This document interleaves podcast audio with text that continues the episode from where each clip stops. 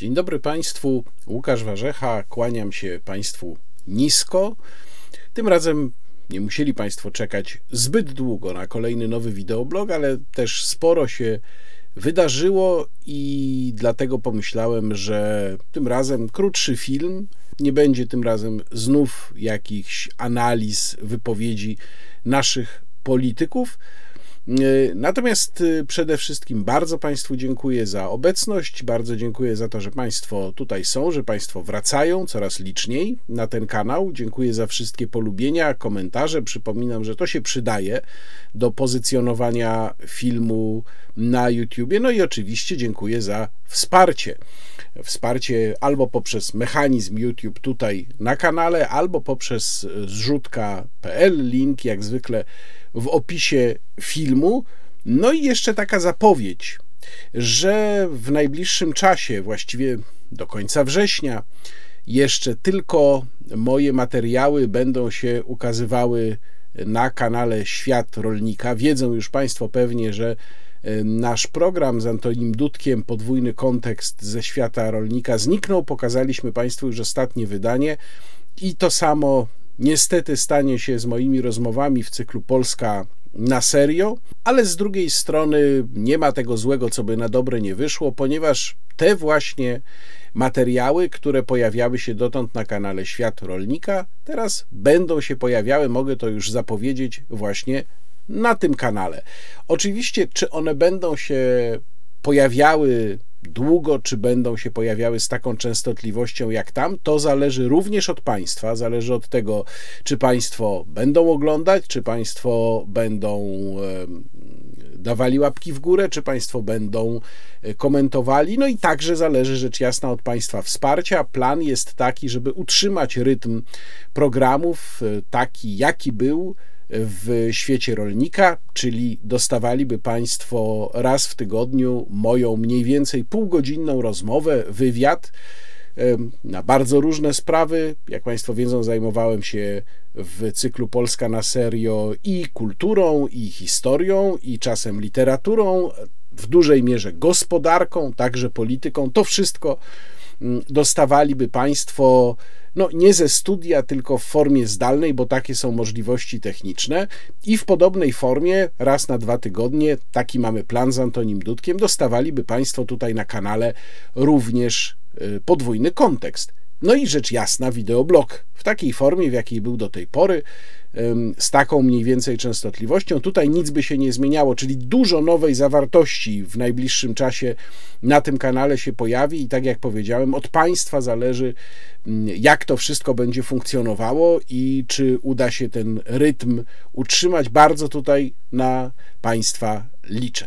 Pierwszy temat to nieuchronnie Ukraina i Rosja. To, co się dzieje w Rosji, to, co się dzieje na Ukrainie.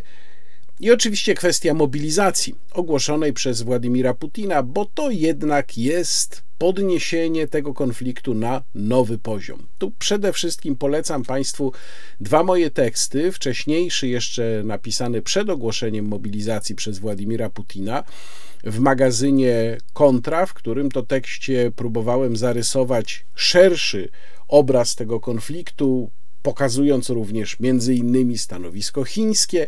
Oczywiście to, był, to jest tylko taki szkic, bardzo pobieżny, to nie jest jakaś głęboka analiza. Chodziło mi tylko o to, żeby pokazać, jak skomplikowana jest ta gra czego się często w Polsce nie zauważa. I drugi tekst na Salonie 24, napisany już po ogłoszeniu mobilizacji w Rosji. No i pierwsza refleksja, która również w tym tekście w Salonie 24 się znalazła, jest taka, że niestety w polskiej debacie publicznej bardzo trudno znaleźć poważne, rzeczowe komentarze do tego, co się dzieje. Można by, tak jak napisałem w Salonie 24, można by odnieść wrażenie, że duża grupa ludzi w ogóle źle przeczytała, bo było napisane, że to mobilizacja, a oni przeczytali kapitulacja. No i komentarze brzmią tak, jakby to w ogóle już było świadectwo końca Rosji, jakby Putin za chwilę miał się powiesić, już w ogóle wszystko załatwione, wojna przez Ukrainę wygrana, nie ma się czym przejmować. No to jest oczywiście absurd. Jasną sprawą jest, że ogłoszenie mobilizacji, która została nazwana częściową, ale z tego, co wynika z tego dekretu, i tutaj eksperci już nie mają wątpliwości, e, można wywnioskować, że ona nie jest wcale częściowa, po prostu jest to do dyspozycji, jest to narzędzie do dyspozycji ministerstwa, rosyjskiego Ministerstwa Obrony, które może sobie w zasadzie dowolnie regulować, ilu rekrutów zamierza do wojska powołać, i jasna sprawa, że jest to przyznanie się do rzeczy, która też nie jest jakoś odkrywcza i była chyba oczywista już od dawna dla wszystkich obserwatorów wydarzeń, czyli przyznanie się do tego, że nie udało się Rosji osiągnąć y, celów w takim, przy, takim, przy użyciu takich środków, jakie planowała, jakich planowała użyć początkowo, czyli przy użyciu środków ograniczonych i w ramach ograniczonej tak zwanej operacji specjalnej, czyli przy użyciu tylko żołnierzy kontraktowych. Tego się po prostu osiągnąć nie udało, co Rosja planowała. No i trzeba sięgnąć po rekruta. Ale to nie oznacza, że Rosja się wali. Raczej powiedziałbym, że wręcz przeciwnie, bo y, Rosja ma głębokie rezerwy strategiczne, jeżeli chodzi o poborowych. Tutaj no, szacunki są takie, że to jest ponad 20 milionów osób, które można powołać. Oczywiście powołuje się najpierw i, i ta mobilizacja obecna dotyczy takiej grupy osób, które miały już kontakt z wojskiem, przeszły jakieś przeszkolenie, służyły wcześniej a także służy do tego, żeby nie mogli opuścić armii żołnierze kontraktowi, którym się kontrakty skończą, bo tak jest rosyjskie prawo skonstruowane. E, oczywiście mobilizacja jest ryzykowna w jakimś stopniu politycznie dla Władimira Putina i dlatego on jej unikał mm, e, przez tak długi czas. Natomiast jeżeli się już do niej uciekł, no to tak jak powiedziałem, jest to jednak przeniesienie konfliktu na nowy poziom i jest to wejście o szczebel wyżej na drabinie eskalacyjnej. Ja przywołałem tutaj y, oceny Johna Mearsheimera, wyklętego przez partię wojny w Polsce, którego przecież tekst Playing with Fire in Ukraine przywoływałem i omawiałem w jednym z poprzednich wideoblogów w którym to tekście John Mearsheimer w zasadzie dokładnie przewidział to, co się wydarzyło. To znaczy, napisał tam, że jeżeli Ukraina będzie osiągała postępy, no to druga strona przyparta do muru, żeby zapobiec e, własnej porażce, sięgnie po jakiś środek eskalacyjny. I tym środkiem eskalacyjnym w tym momencie, na razie, okazuje się właśnie pobór. I tutaj trzeba również mieć świadomość, że sięgnięcie po ten instrument, jakim jest pobór, wskazuje nam, że Putin jest nastawiony naprawdę na długą walkę i długi marsz, bo samo przesłanie tych ludzi, którzy w tej chwili są tam wyłapywani wysyłani autobusami gdzieś do ośrodków szkoleniowych, samo ich przesłanie na ukraiński front już będzie zajmowało dużo czasu. Czyli tu mówimy o perspektywie, no co najmniej, tak mówią, znów odwołuję się do ekspertów, co najmniej kilku tygodni, dwóch miesięcy, może trzech miesięcy, zanim to zacznie wywierać jakiś wpływ. Czyli patrzmy tutaj, w jakim czasie Kreml o tej wojnie, bo już teraz możemy mówić wprost o wojnie. No, to była wojna wcześniej, ale mówię teraz o terminologii, która była używana e, w Rosji. W jakich, w jakich terminach Kreml o tej wojnie myśli. Więc tutaj na szybkie zakończenie nie ma co liczyć. Oczywiście w Rosji nic nie działa sprawnie, maszyna mobilizacyjna też nie działa sprawnie, ale sprowadzanie tej akcji mobilizacyjnej tak jak to w polskim internecie się dzieje, nie tylko w polskim zresztą, do filmików z pijanymi rekrutami, ha, ha, ha, co to za armia, tam się jeden przewrócił po pijaku, no jest po prostu niepoważne, bo to jest poważna sytuacja i to, że gdzieś tam się rekruci popili i pobili, bo coś takiego też pokazywano, nie znaczy, że można to lekceważyć i że właśnie Rosja się e, wali. To zresztą również przyznają analitycy OSW. Ja w swoim tekście na salonie 24 przywoływałem obszerne fragmenty analizy, takiej codziennej analizy Ośrodka Studiów Wschodnich, y, napisanej już po ogłoszeniu mobilizacji przez Putina, gdzie no, analitycy przyznają, że to może poprawić sytuację agresora agresora, oczywiście w pewnej perspektywie. I teraz pytanie, które można sobie w tym momencie postawić, właściwie nawet nie można, tylko powinniśmy je zacząć stawiać ponownie. Mówię tutaj o tych obywatelach naszego państwa, którzy mają jakieś oczekiwania wobec rządzących. Uważają, że rządzący powinni myśleć przede wszystkim o interesie polskich obywateli i Polski, nie Stanów Zjednoczonych, nie Ukrainy, tylko właśnie Polski. Jaką my mamy właściwie odpowiedź i jaką mamy strategię? W odpowiedzi na to, co się wydarzyło w Rosji, w odpowiedzi na tę ewidentną eskalację, po którą sięgnął Władimir Putin. Na jak długo jesteśmy przygotowani? No bo jeżeli y, wygląda na to, że wojna się przedłuży. Tutaj mamy zresztą problem też ze stanowiskiem drugiej strony, bo nawet jeżeli to miałby być wstęp paradoksalnie do jakiejś formy porozumienia pokojowego, na zasadzie zaanektowania tych e, terenów, na których odbywa się w tej chwili tak zwane referendum, no to stanowisko strony ukraińskiej jest kompletnie nieustępliwe i ono jest nieustępliwe, no, rzecz jasna, dlatego że e, takie stanowisko i taki kurs popierają, popiera Waszyngton, przynajmniej na razie. Jak długo będzie to robił jeszcze, zobaczymy. No ale my tutaj w Polsce powinniśmy sobie rzeczywiście zadać pytanie, jak duża jest nasza odporność, na ile nas jeszcze stać jaka jest sytuacja naszego bezpieczeństwa. Ja jestem, muszę powiedzieć, jednak mocno rozczarowany tym. Niektórzy powiedzą, a można się było tego spodziewać, a ja jednak jestem rozczarowany tym, że przede wszystkim ze strony pana prezydenta Andrzeja Dudy żadne oświadczenie się nie pojawiło, pojawiły się tylko jakieś zupełnie dziecinne pokrzykiwania w, na forum ONZ, że jak Rosjanie użyją broni jądrowej, to Amerykanie też użyją broni jądrowej. No rzeczywiście bardzo to jest dla nas tutaj w tym miejscu na mapie pocieszające. Natomiast rzeczywiście oczekiwałbym, że w obliczu tego, powtarzam znów, podniesienia na nowy poziom eskalacji tego konfliktu, pan prezydent jednak przemówi do Polaków i to przemówi nie mm, frazesami, które powtarza od miesięcy o tym, jak to my się poświęcamy, pomagając Ukrainie, bo to myślę już nie jest interesujące, my to już znamy, tylko przemówi sygnalizując jakiś kurs, jakiś kurs, który Polska ma wziąć w obliczu tej nowej jednak i groźniejszej dla nas sytuacji. I tu przechodzę do tego, dlaczego ta sytuacja jest groźniejsza. Przede wszystkim dlatego, że w wystąpieniu Władimira Putina pojawił się akcent, który w zestawieniu z tymi tak zwanymi referendami dotyczącymi dwóch regionów ukraińskich, które mają być włączone na podstawie wyników tego referendum, które wiadomo oczywiście z góry, jaki ten wynik będzie, e, w połączeniu z tymi referendami, no niestety tworzy sytuację już dużego i poważnego zagrożenia.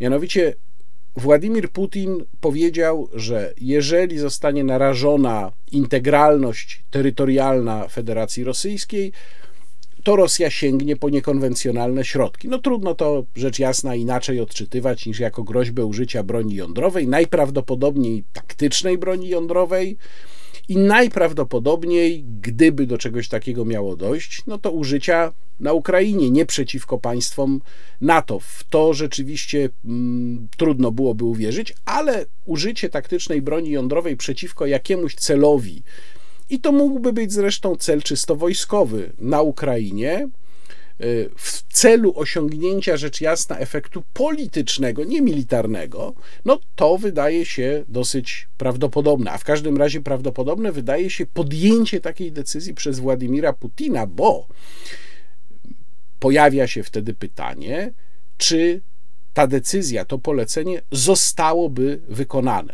No bo co mówi nam Władimir Putin w kontekście właśnie tych tak zwanych referendów?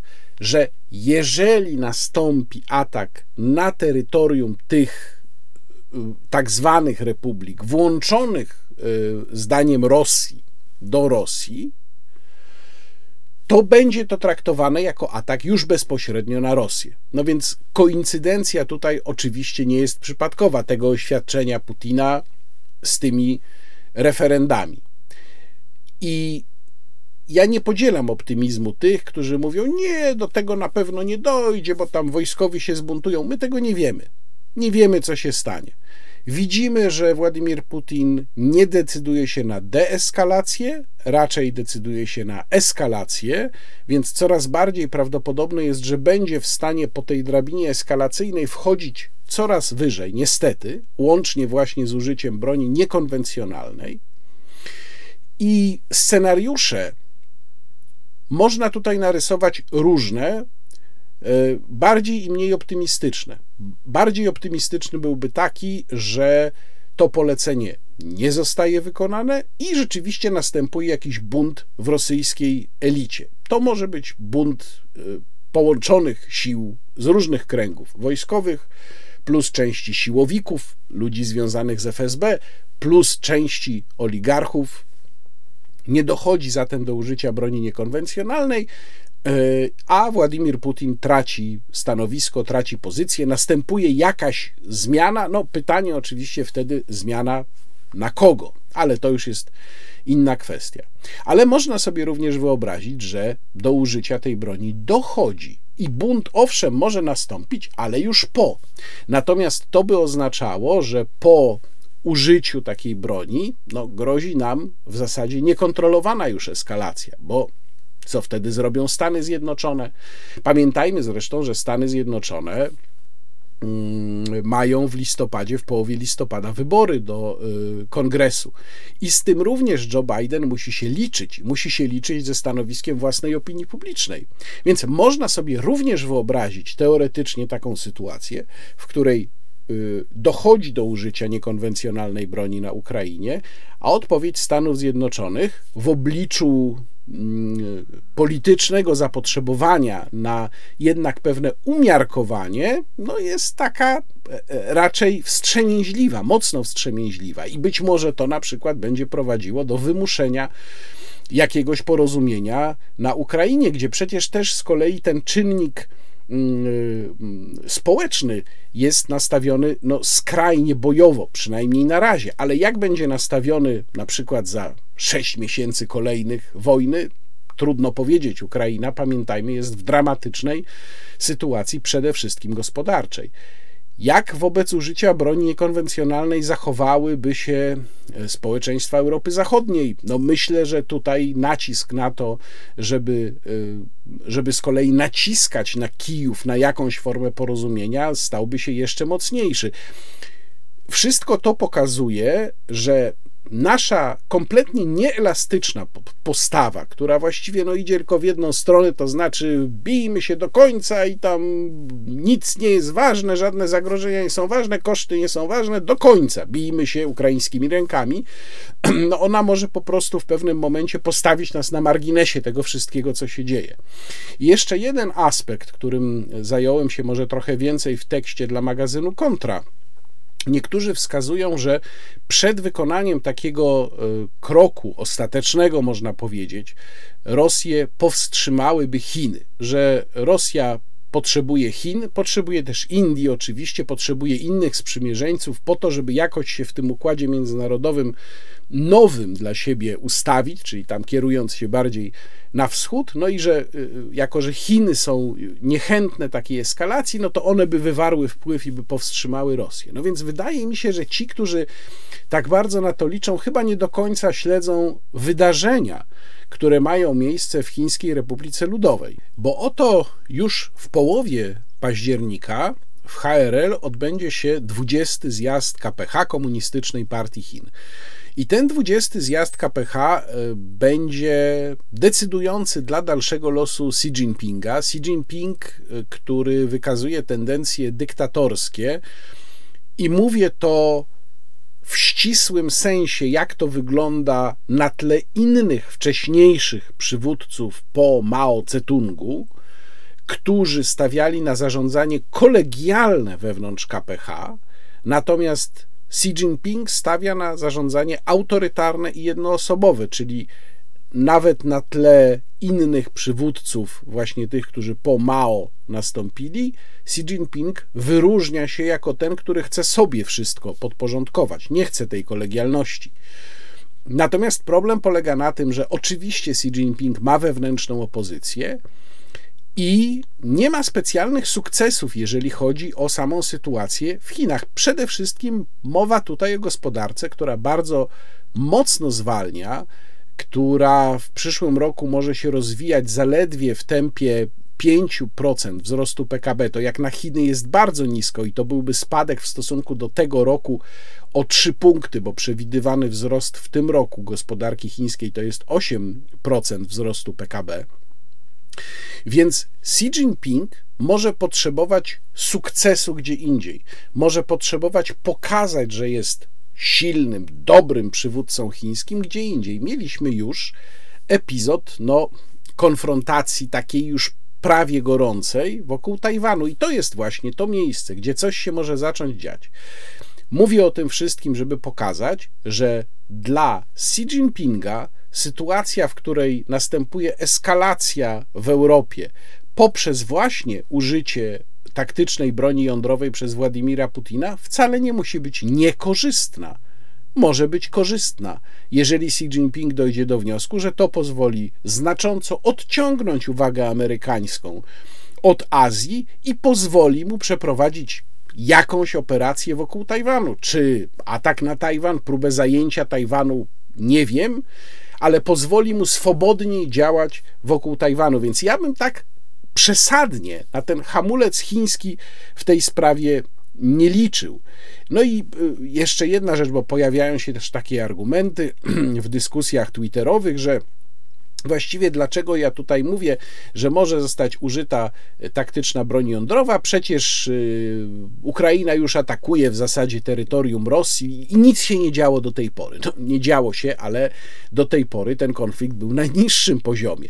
To teraz on wchodzi na wyższy poziom, który właśnie może zagrozić taką reakcją. Miejmy tego świadomość, że znaleźliśmy, znajdujemy się od trzech dni, no jednak na innym etapie tej wojny. To nie jest już to samo, co było. Władimir Putin okazał się bardzo zdeterminowany.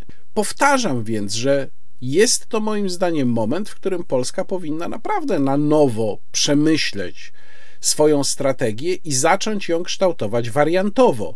Nie oczekiwałbym od y, rządu, że zmieni zasadniczo w tym momencie swoje postępowanie. Rozumiem, że bardzo dużo zainwestował wizerunkowo w, tę, w ten radykalny jastrzębi kurs, natomiast myślę, że to rzeczywiście jest pora, żeby jednak zacząć trochę wysubtelniać ten kurs i zacząć jednak myśleć o innych wariantach działania, na przykład takich, w których trzeba się liczyć z tym, że będzie musiała, będzie musiało w końcu nastąpić jakieś porozumienie i to porozumienie może być częściowo w jakimś stopniu kosztem Ukrainy. No i miejmy też świadomość tego, że gdyby doszło do tego, oby nie, ale gdyby doszło do tego, że rzeczywiście Moskwa postanowi użyć na Ukrainie taktycznej broni jądrowej, to wpływ tego, samego tego wydarzenia, ja nie mówię o wpływie fizycznym, mówię o wpływie samego tego wydarzenia jako faktu militarnego, wpływ tego na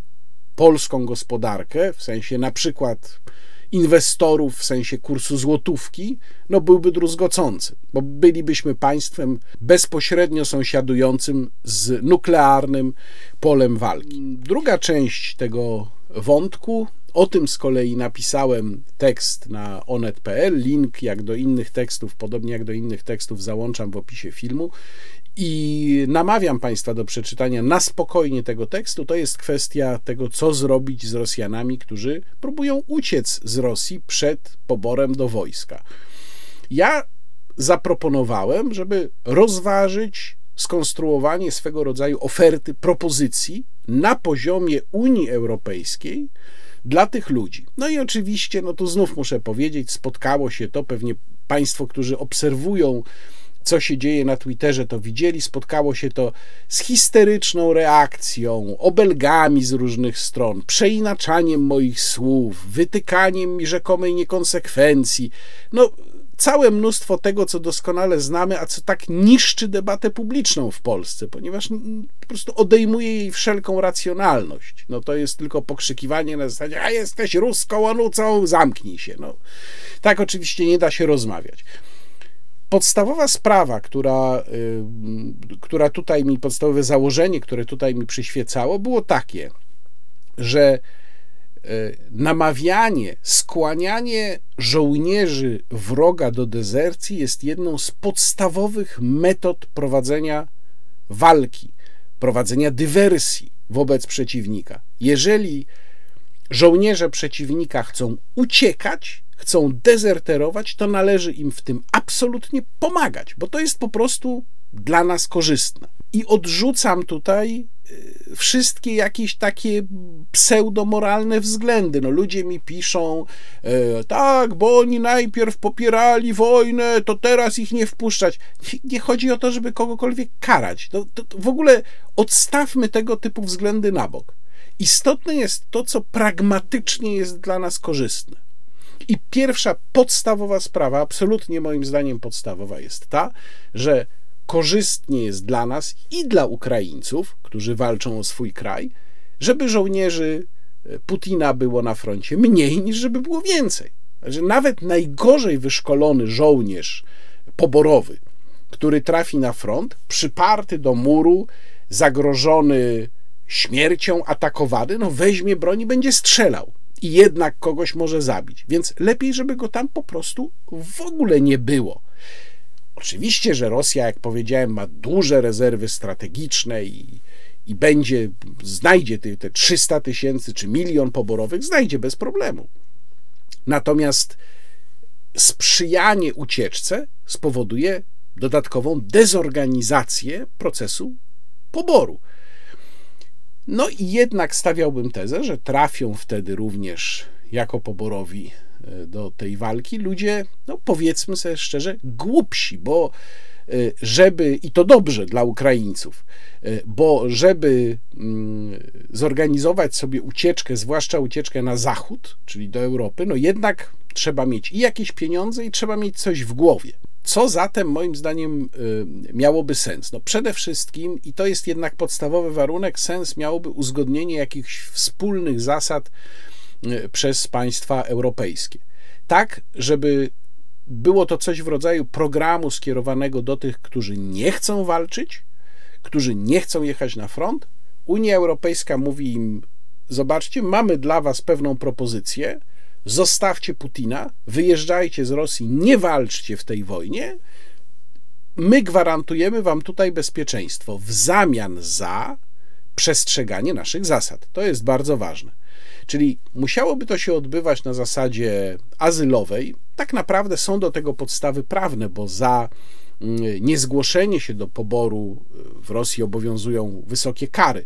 No więc pewnie jakaś część tych ludzi, którzy próbują wyjechać, już mogła dostać wezwania, czyli oni de facto uciekają, właśnie są zagrożeni y, karami. Musiałoby się to odbywać na zasadzie procedury azylowej z dokładnym, bardzo dokładnym sprawdzaniem tych, którzy chcieliby w Europie pozostać. I przyznaję, to jest rzeczywiście najtrudniejszy punkt tego pomysłu, tego projektu, czyli to sprawdzanie, weryfikowanie tych, którzy chcieliby z tej oferty skorzystać, ale moim zdaniem jest to mimo wszystko wykonalne, zwłaszcza jeżeli założymy, że nie wpuszczamy tych ludzi od razu, że oni są zgromadzeni najpierw w takich no, centrach azylowych, tak jak normalnie azylanci. To przecież Europa już przyjmowała, nie Polska akurat, ale przyjmowała Europa duże ilości do obozów właśnie takich migrantów, no więc tutaj można by te procedury wykorzystać.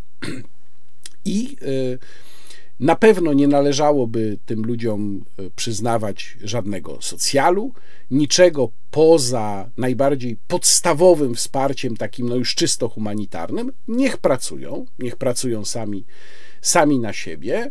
No i trzeba ich oczywiście byłoby obserwować, bo tak, rację mają ci, którzy mówią, że mogą być w tym gronie prowokatorzy, mogą być w tym gronie agenci, więc poza tym przesianiem początkowym, obserwacja później, jasna sprawa. No i rzecz jasna, w momencie, kiedy ktoś taki e, złamałby zasady, na których zostałby tu przyjęty poprzez angażowanie się w jakieś aktywności mm, natury politycznej, no to zostawałby wydalony.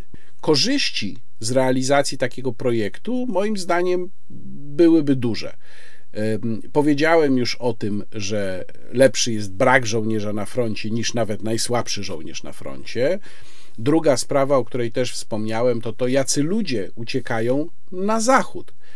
Uważam, że z punktu widzenia osłabiania Rosji, e, skonstruowanie mechanizmu, planowego mechanizmu drenażu mózgów rosyjskich jest ważne i właściwie ten plan powinien już istnieć. Jak to zrobić, żeby namówić e, rosyjskich specjalistów, w tym informatyków, bardzo ważnych przecież w nowoczesnym, e, w nowoczesnym, w nowoczesnej gospodarce, żeby namówić ich do tego, żeby właśnie z Rosji wyjeżdżali. No, każdy taki człowiek, każda taka firma emigrująca z Rosji to jest strata rosyjska. Więc to jest dodatkowa korzyść. Kolejna korzyść byłaby taka, że wzrosłyby w Rosji napięcia społeczne, bo byliby ci, którym się nie udało uciec na zachód, albo którzy uciekli do jakichś krajów ościennych, no, gdzie będą mieli prawdopodobnie gorszą sytuację, takich jak Gruzja chociażby.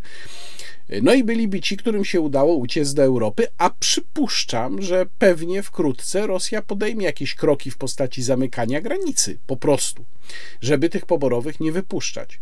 Więc to by spowodowało zawiści, napięcia wewnętrzne, byliby jeszcze ci, którzy, którym się uciec nie udało, i to też dobrze. Niech takie napięcia w Rosji będą. To jest również dla nas korzystne. No i wreszcie odpowiedź na ostatni kontrargument, który się pojawiał, całkowicie moim zdaniem chybiony. To znaczy, wiele osób mówiło: Nie, zostawić ich w Rosji, niech oni tam organizują bunt. No bo były te filmy pokazujące również jakieś protesty przed punktami rekrutacyjnymi czy punktami poborowymi. To jest całkowicie błędna rachuba dlatego że po pierwsze, historia protestów, y, do których dochodziło w Rosji w ciągu ostatniej dekady, pokazuje, że żadne z nich nie miały poważniejszych konsekwencji. Wszystkie zostały stłumione brutalnie y, przez milicję, potem już policję. Były trzy takie co najmniej duże fale protestów. To było y, mniej więcej 10 lat temu słynne protesty na Placu Błotnym, kiedy to Władimir Putin ogłosił, że jednak on zastąpi y, Dmitrija Miedwiediewa na stanowisku prezydenta. Wtedy był premierem i to była taka niespodziewana zmiana. Dmitrij Miedwiediew był błędnie prawdopodobnie uważany przez wielu za reformatora, który jakieś reformy właśnie liberalne wdroży, a tu nagle Putin stwierdził, że jednak nie, Miedwiediew won, ja będę znowu prezydentem. To była pierwsza taka fala, potem w 2017 roku były protesty y, spowodowane publikacjami y, o korupcji w kręgach władzy mm, wydawanymi przez Aleksieja Nawalnego. No i potem były protesty już całkiem niedawno, kiedy Aleksiej Nawalny znalazł się w kolonii karnej, został skazany, e, najpierw zatrzymany, potem skazany. Nic z tego nigdy nie wyszło. Więc e, po pierwsze mamy ten historyczny dowód, że protesty w Rosji po prostu nic nie dają, protesty takie mm, zwykłych obywateli. Po drugie, trzeba założyć, że reżim na Kremlu dobrze sobie to wszystko zaplanował, że uwzględnił właśnie nastroje społeczne, że przygotował służby do przeciwdziałania takiemu buntowi. Więc liczenie na to, że jak ci ludzie zostaną w Rosji, to coś z tego wyniknie, cokolwiek z tego wyniknie, moim zdaniem jest całkowicie fałszywe. Podsumowując, no, to jest pewna propozycja, pewna koncepcja, moim zdaniem warta tego, żeby się nad nią zastanowić. Wiemy już, że niektóre kraje postanowiły nie otwierać granicy dla Rosjan uciekających przed poborem. Polska zrobiła tak samo. Uważam, że to nie ma żadnego znaczenia, bo nawet gdyby Rosjanie mieli wybór, to by do Polski po prostu nie przyjeżdżali. Natomiast generalnie rzecz biorąc, trzymam się tej opinii i, i, i uważam, że korzystne dla nas jako Zachodu jest pokazywanie Rosjanom, że mają dokąd uciekać, natomiast muszą się zgodzić na respektowanie warunków, które tutaj na Zachodzie byśmy im stawiali. I to będzie sprzyjało, sprzyjałoby osłabianiu Rosji. Więc y, można się oczywiście z tą propozycją nie zgadzać, można wskazywać kontrargumenty, natomiast reakcja, z którą ona się spotkała w internecie, no jednak była e, dosyć przygnębiająca, bo pokazuje to, jaka głęboka jest degeneracja debaty publicznej w Polsce. Teraz opowiem Państwu o sprawie, o którą Państwo mnie pytali wielokrotnie na Twitterze. Muszę się do tego odnieść. Kwestia projektu nowej ustawy o ochronie ludności oraz o stanie klęski żywiołowej. Wokół tego projektu przede wszystkim jest jeden mit, który trzeba tutaj od razu na początku obalić, ponieważ y, jeżeli się robi sensację tam, gdzie jej nie ma, no to rządzący też mają pretekst, żeby dyskredytować krytykę takiego projektu.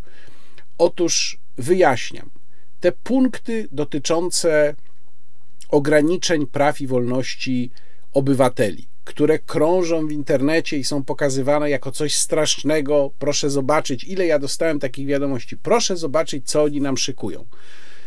Proszę Państwa, to są przepisy, które były obecne i są nadal obecne, bo ta ustawa wciąż obowiązuje, w ustawie o klęsce, o stanie klęski żywiołowej z 2002 roku. One są przepisane, ja to sprawdziłem, przepisane są słowo do słowa do nowej ustawy.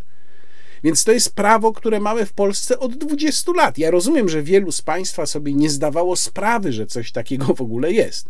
Ale przypominam, że stan klęski żywiołowej to jest jeden z trzech stanów nadzwyczajnych opisanych w polskiej konstytucji. Dwa pozostałe to jest stan wyjątkowy i stan wojenny.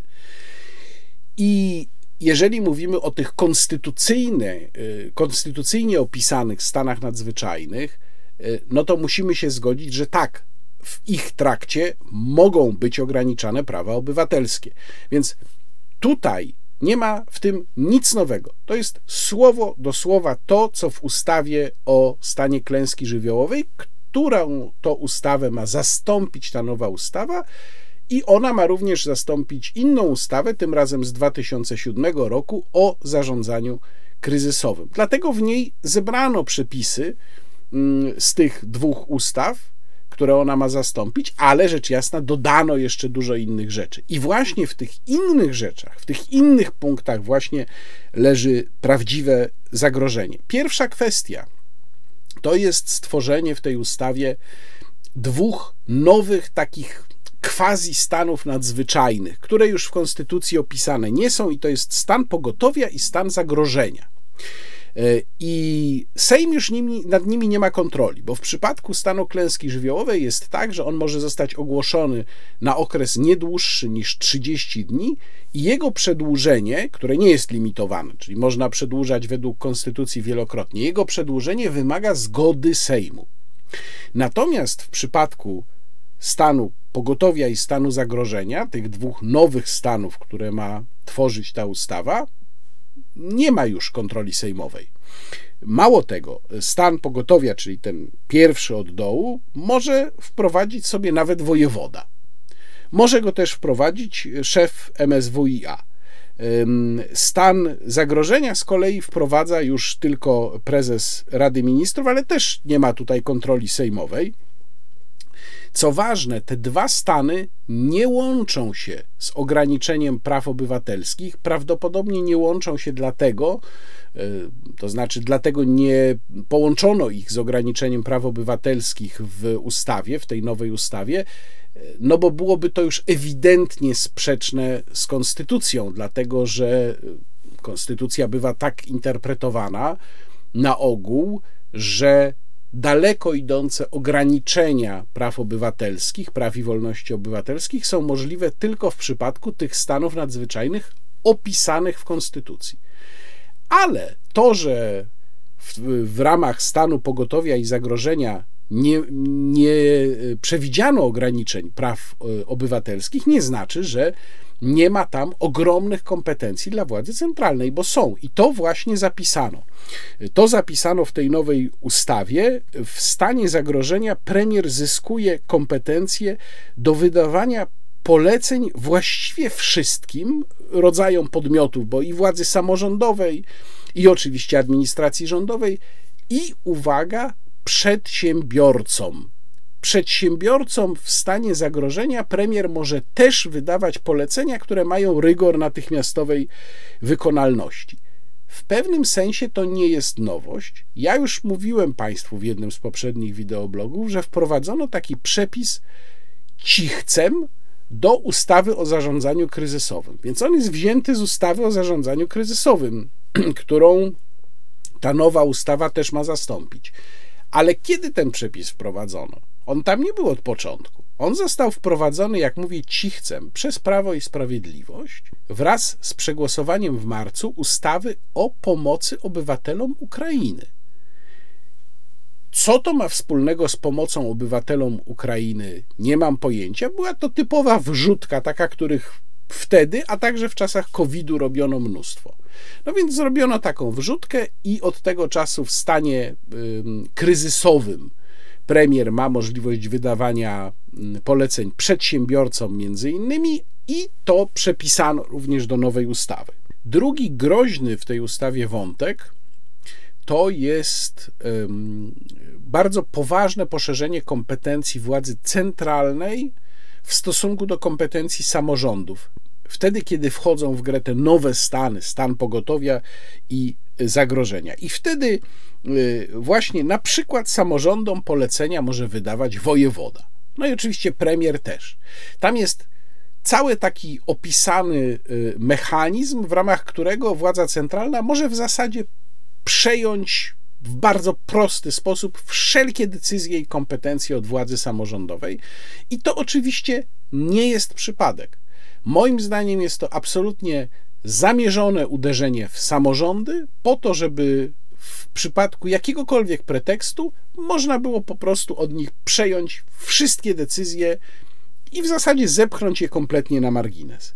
No i wreszcie trzeci wątek, mm, groźny w tej ustawie, to jest fakt, że ona kasuje ustawę o wyrównywaniu strat majątkowych wynikających z ograniczenia w czasie stanu nadzwyczajnego wolności i praw człowieka i obywatela. To jest ustawa z 2002 roku.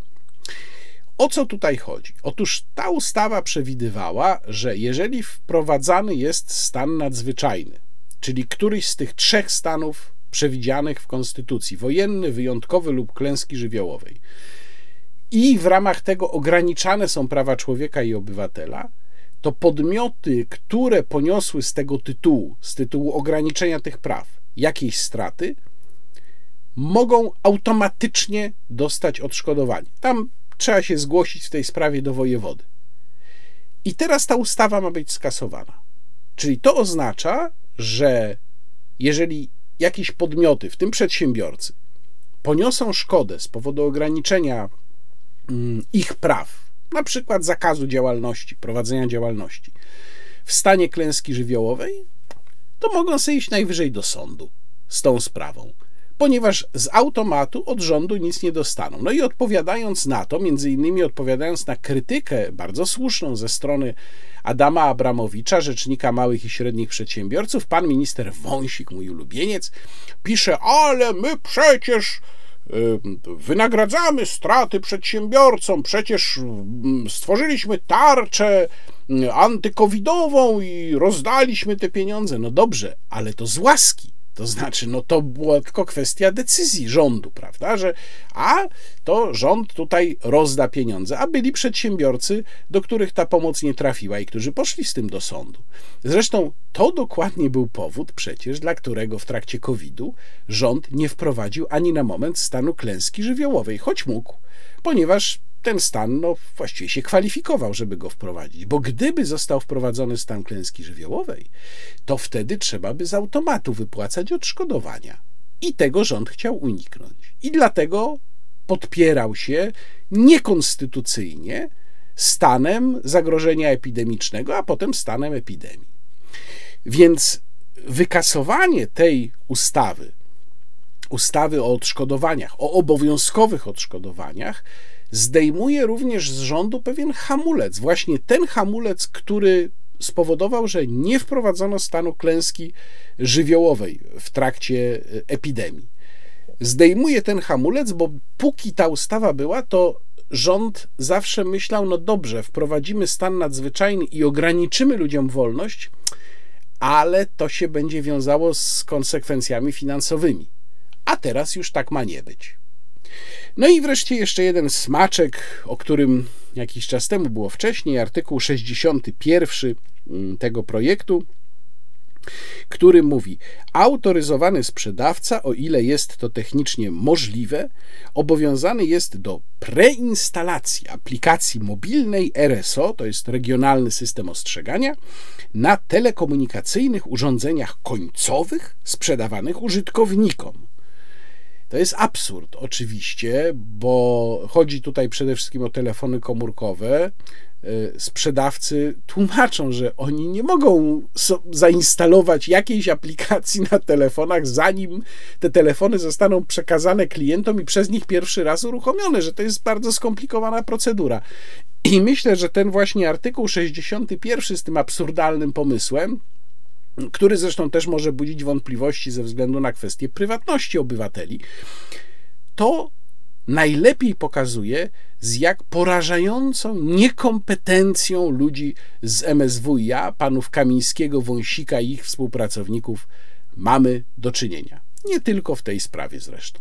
Teraz chcę wrócić do kwestii, o której mówiłem Państwu w wideoblogu nagrywanym już parę dobrych miesięcy temu, po moim pobycie w Brukseli. Relacjonując Państwu spotkania, które w tej Brukseli miały miejsce, wspomniałem, że pojawiła się w pewnym momencie koncepcja takiego mm, rozporządzenia unijnego, czy dyrektywy unijnej, raczej rozporządzenia, które miałoby dotyczyć wolności i pluralizmu mediów w państwach członkowskich, i wtedy mówiłem, że moim zdaniem jest to kolejny, kolejna próba wkroczenia w kompetencje, które powinny być wyłącznymi kompetencjami państw członkowskich.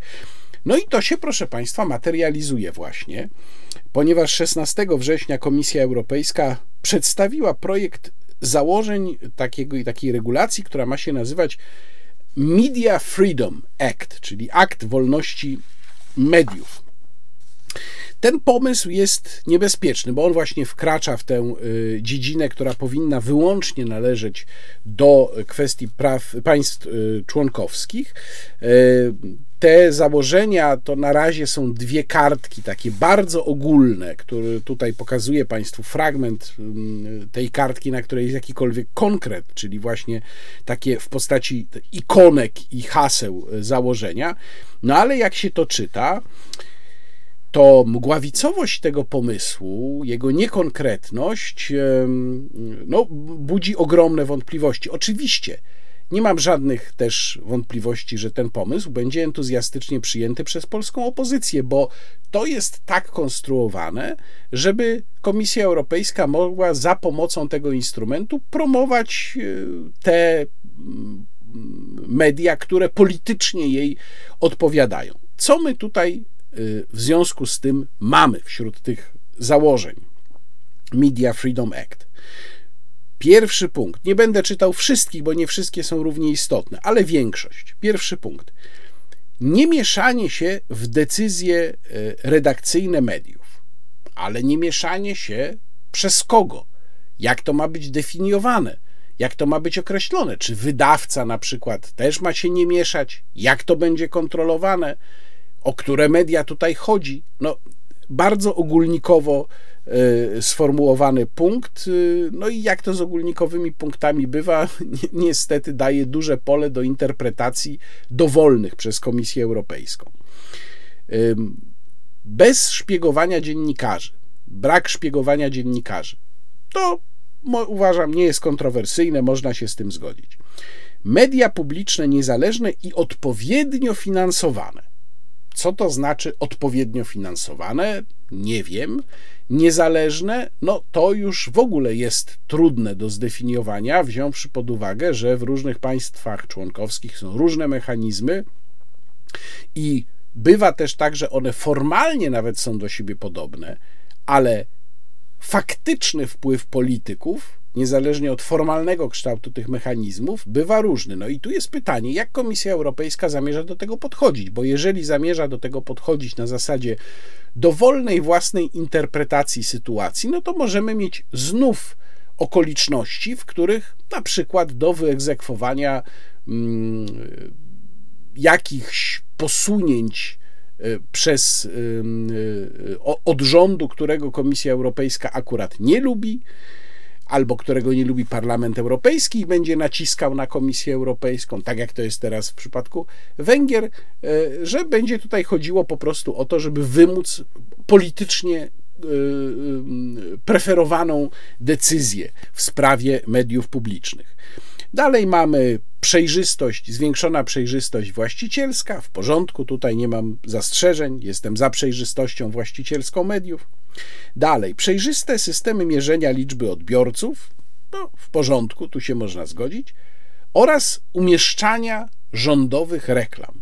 Dokładnie um, brzmi to po angielsku, też przeczytam, żeby już nie było wątpliwości. Brzmi to tak transparent and fair audience measurement systems and allocation of state advertising.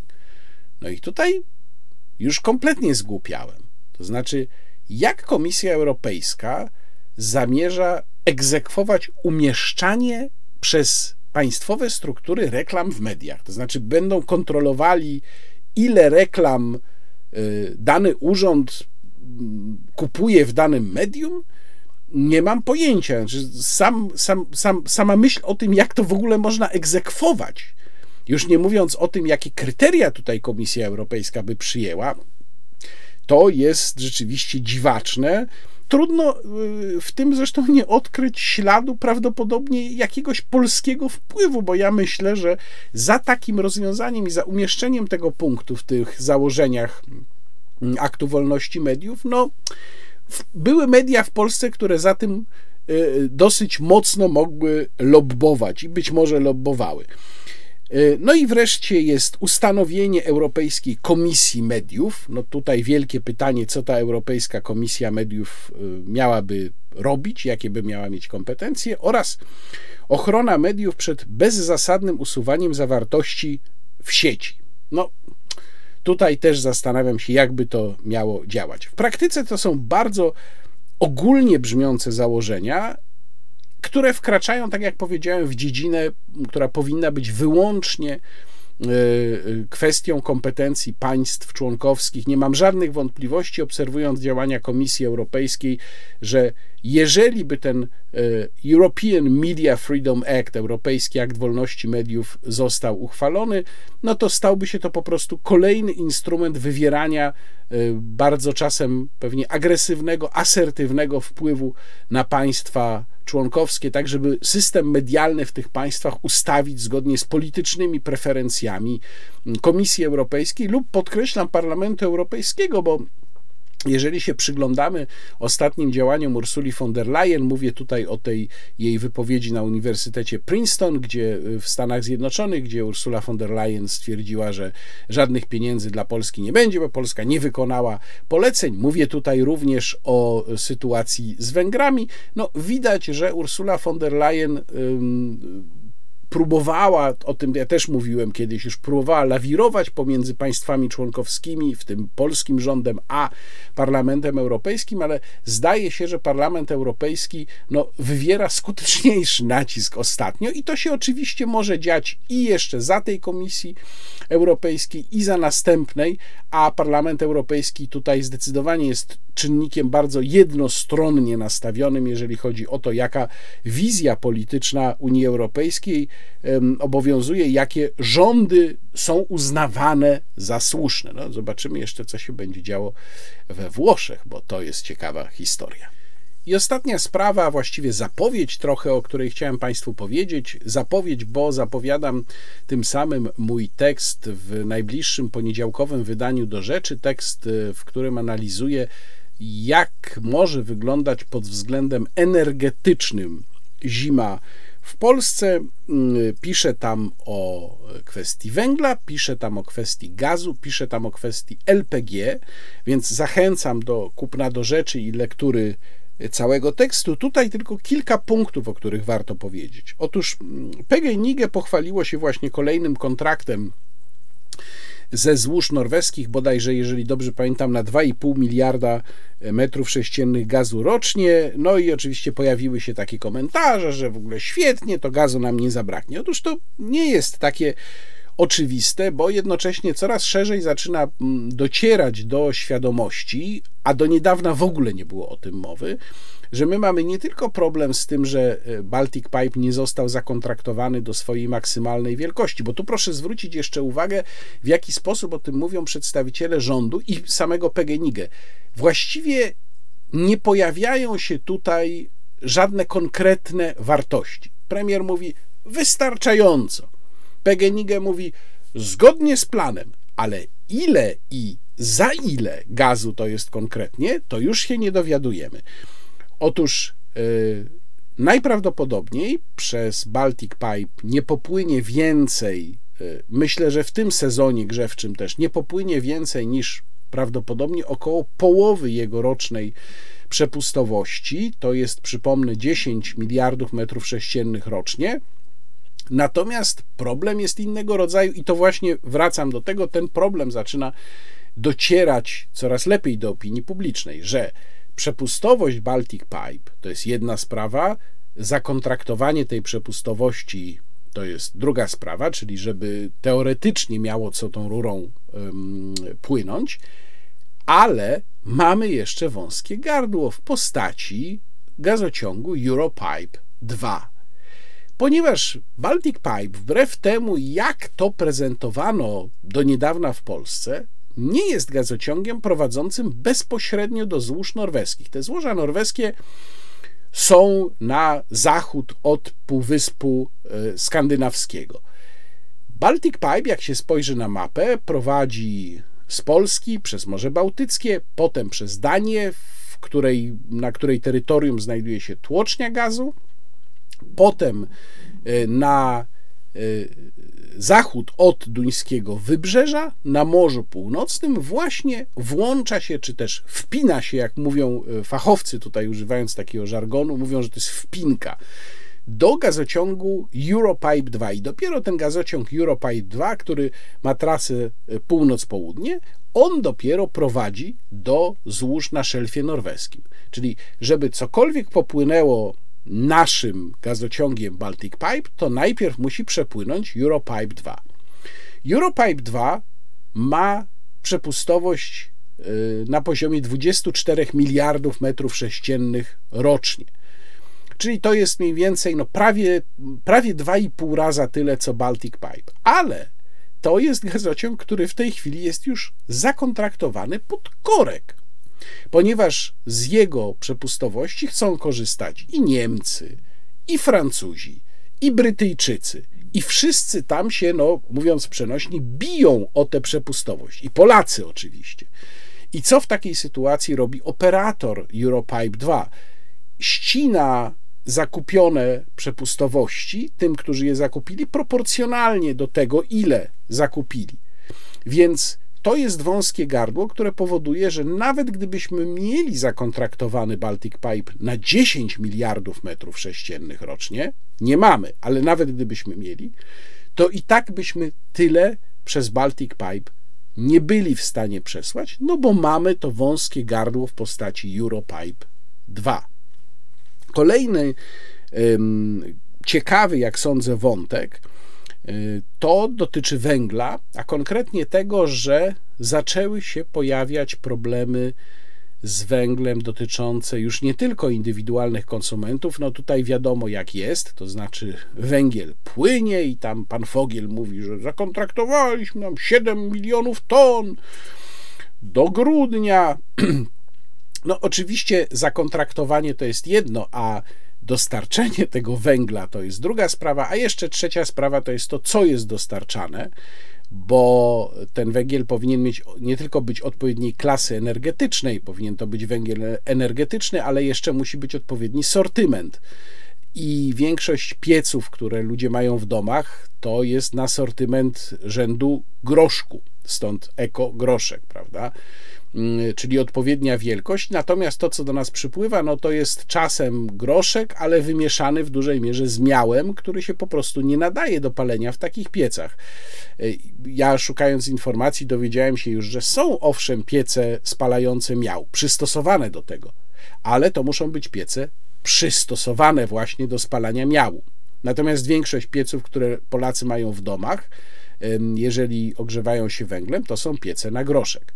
Więc to jest jedna sprawa. I tutaj jestem przekonany, że dla wielu Polaków węgla w tym sezonie grzewczym zabraknie do ogrzewania domów. Ale robi się rzecz bardziej niebezpieczna, bo do tej pory myśleliśmy, że ze względu na wydobycie w polskich kopalniach bez problemu mm, poradzi sobie energetyka.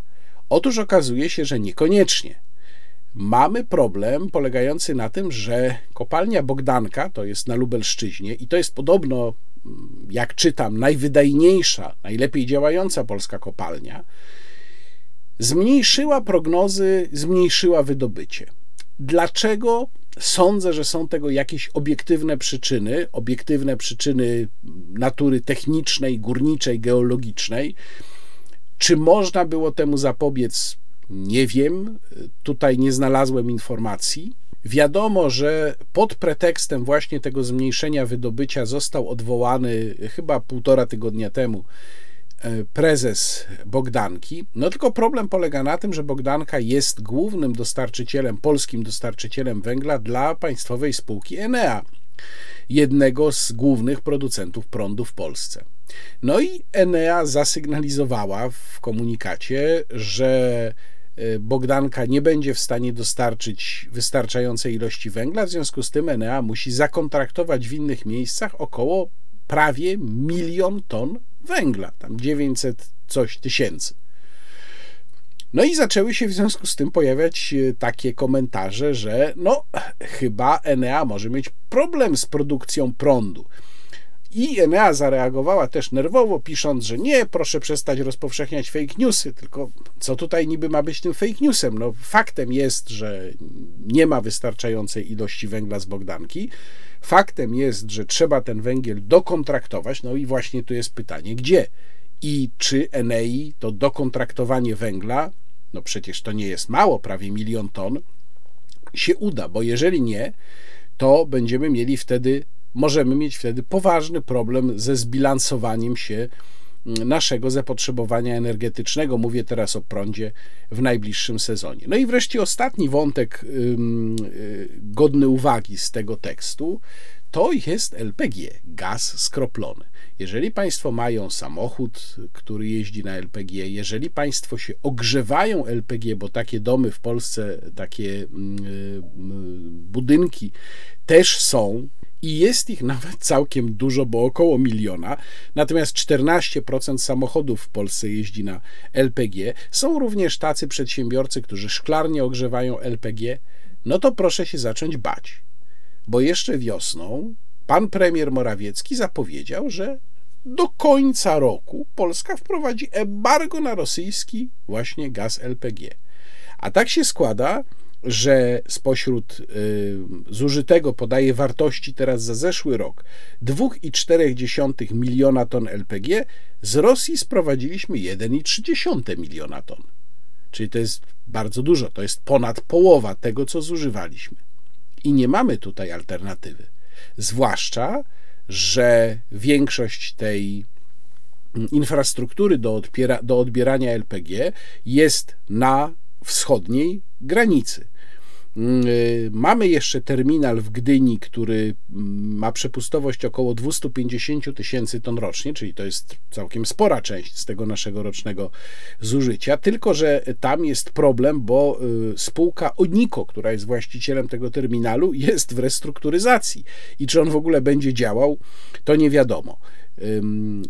Polska Izba Gazu Płynnego szacuje, że jeżeli faktycznie przestaniemy kupować gaz LPG od stycznia z Rosji, bo walczymy z Putinem, wiadomo, to zabraknie nam około 700 tysięcy ton. Bardzo dużo. Czyli będziemy w stanie uzupełnić jedynie niewielką część tego, co kupowaliśmy wcześniej z Rosji. No i wtedy już jest problem, bo są te samochody, na LPG. Są mieszkania, które ogrzewają się LPG, są ludzie, którzy gotują dzięki LPG. Co zrobić, nie wiadomo. Nie wiem, jak się tutaj rząd zachowa.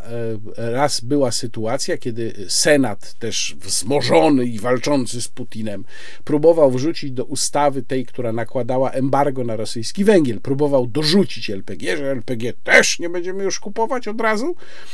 I wtedy zostało to zablokowane e, przez większość rządzącą. No ale jak to będzie teraz, nie wiem.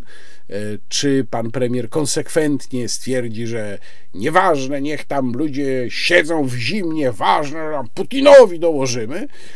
Nie mam pojęcia. W każdym razie, jeżeli Państwo korzystają z LPG, czy to do transportu, czy do ogrzewania domu, to proszę się zacząć już bać.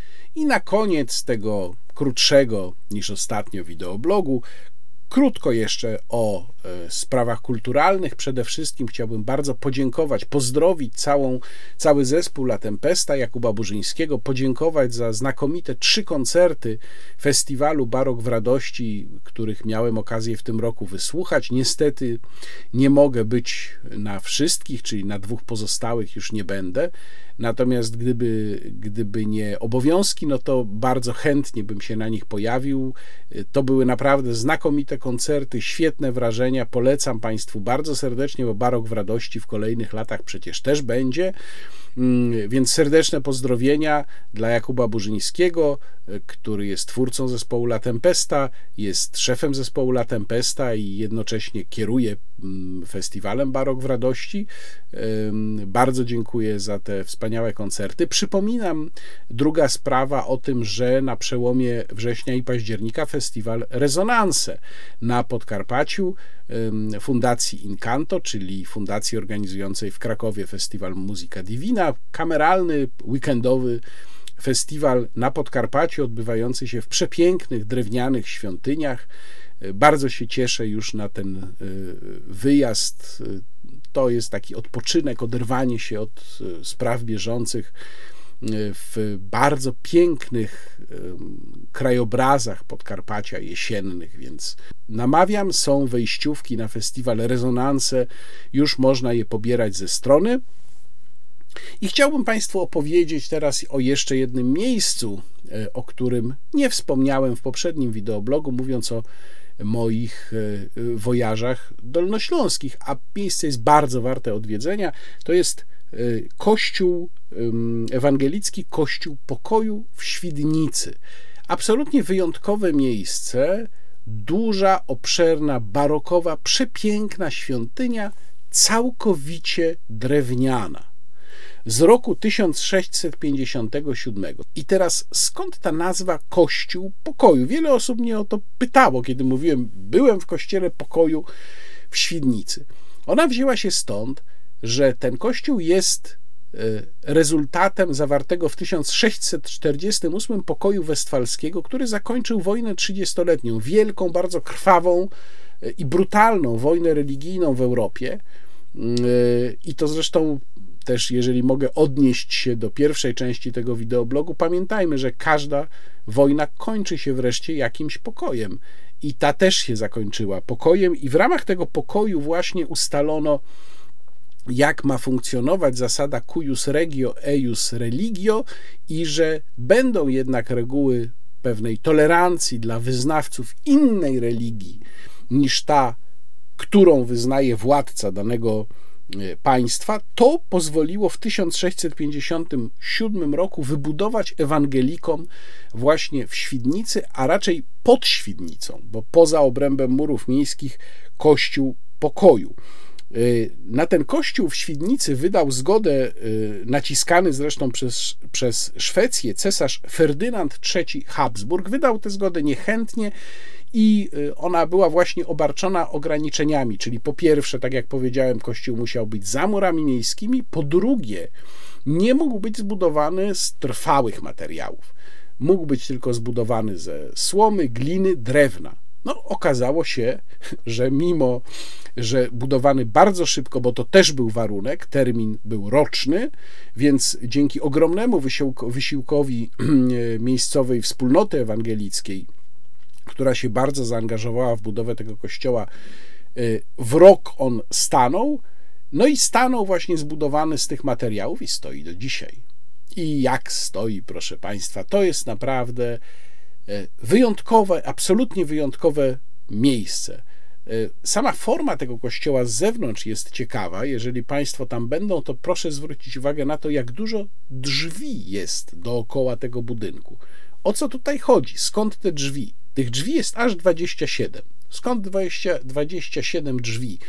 Otóż chodziło o to, żeby jak najwięcej osób mogło do tego kościoła wejść. I ostatecznie on ma taką powierzchnię, jak się policzy wszystko, czyli jego empory, jego um, powierzchnię na podłodze i loże. Loże, które budowano dla rodzin szlacheckich. Taka rodzina szlachecka finansowała budowę loży przyczepionej jak gdyby do ścian kościoła i te loże miały właśnie osobne, odrębne wejścia z zewnątrz. Stąd tyle drzwi dookoła.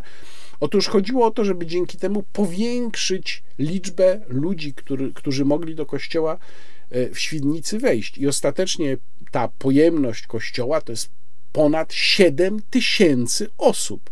Ogromna, naprawdę ogromna wspólnota mogła się tam modlić. Kościół w środku jest absolutnie przepiękny, jest oszałamiający.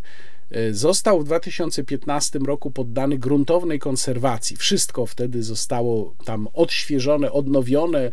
E, przepiękny ołtarz główny. Mm, e, dzisiaj jeszcze pracują w nim zresztą konserwatorzy, którzy mm, między innymi odnawiają obrazy w płycinach, płycinach barier poszczególnych lóż i empor w tym kościele, ale to jest praca na małym fragmencie. Prawie cały kościół jest właśnie już odnowiony, łącznie z polichromiami, także na suficie. Miejsce jest absolutnie niesamowite. Bardzo gorąco polecam. Zresztą kościół stoi na terenie, który wtedy przekazano wspólnocie ewangelickiej, dobudowując już później na tym terenie, bo to wymagało odrębnej zgody i dzwonnicy, a bo kościół w pierwszym e, momencie nie mógł mieć dzwonów. Tam to był też jeden z warunków. Więc dobudowano dopiero kilkadziesiąt lat później dzwonnicę oraz e, szkołę przy kościelną to już wymagało, jak mówię, odrębnego pozwolenia od władcy. Dzisiaj to wszystko jest y, jednym spójnym terenem, jest tam też y, cmentarz ewangelicki, oczywiście już nieczynny. Y, bardzo gorąco polecam, jeżeli będą Państwo w Świdnicy. Absolutnie wyjątkowe miejsce, wyjątkowy zabytek, jedyny taki w swoim rodzaju. A ja za dzisiaj już dziękuję. Dziękuję za wszystkie Państwa polubienia, dziękuję za wszystkie komentarze i przede wszystkim dziękuję za wsparcie. I przypominam, że już niedługo na tym kanale będziemy się widywać częściej, bo tutaj przeniosą się materiały, które wcześniej pojawiały się na kanale Świat Rolnika. Bardzo dziękuję. Łukasz Warzecha. Do zobaczenia.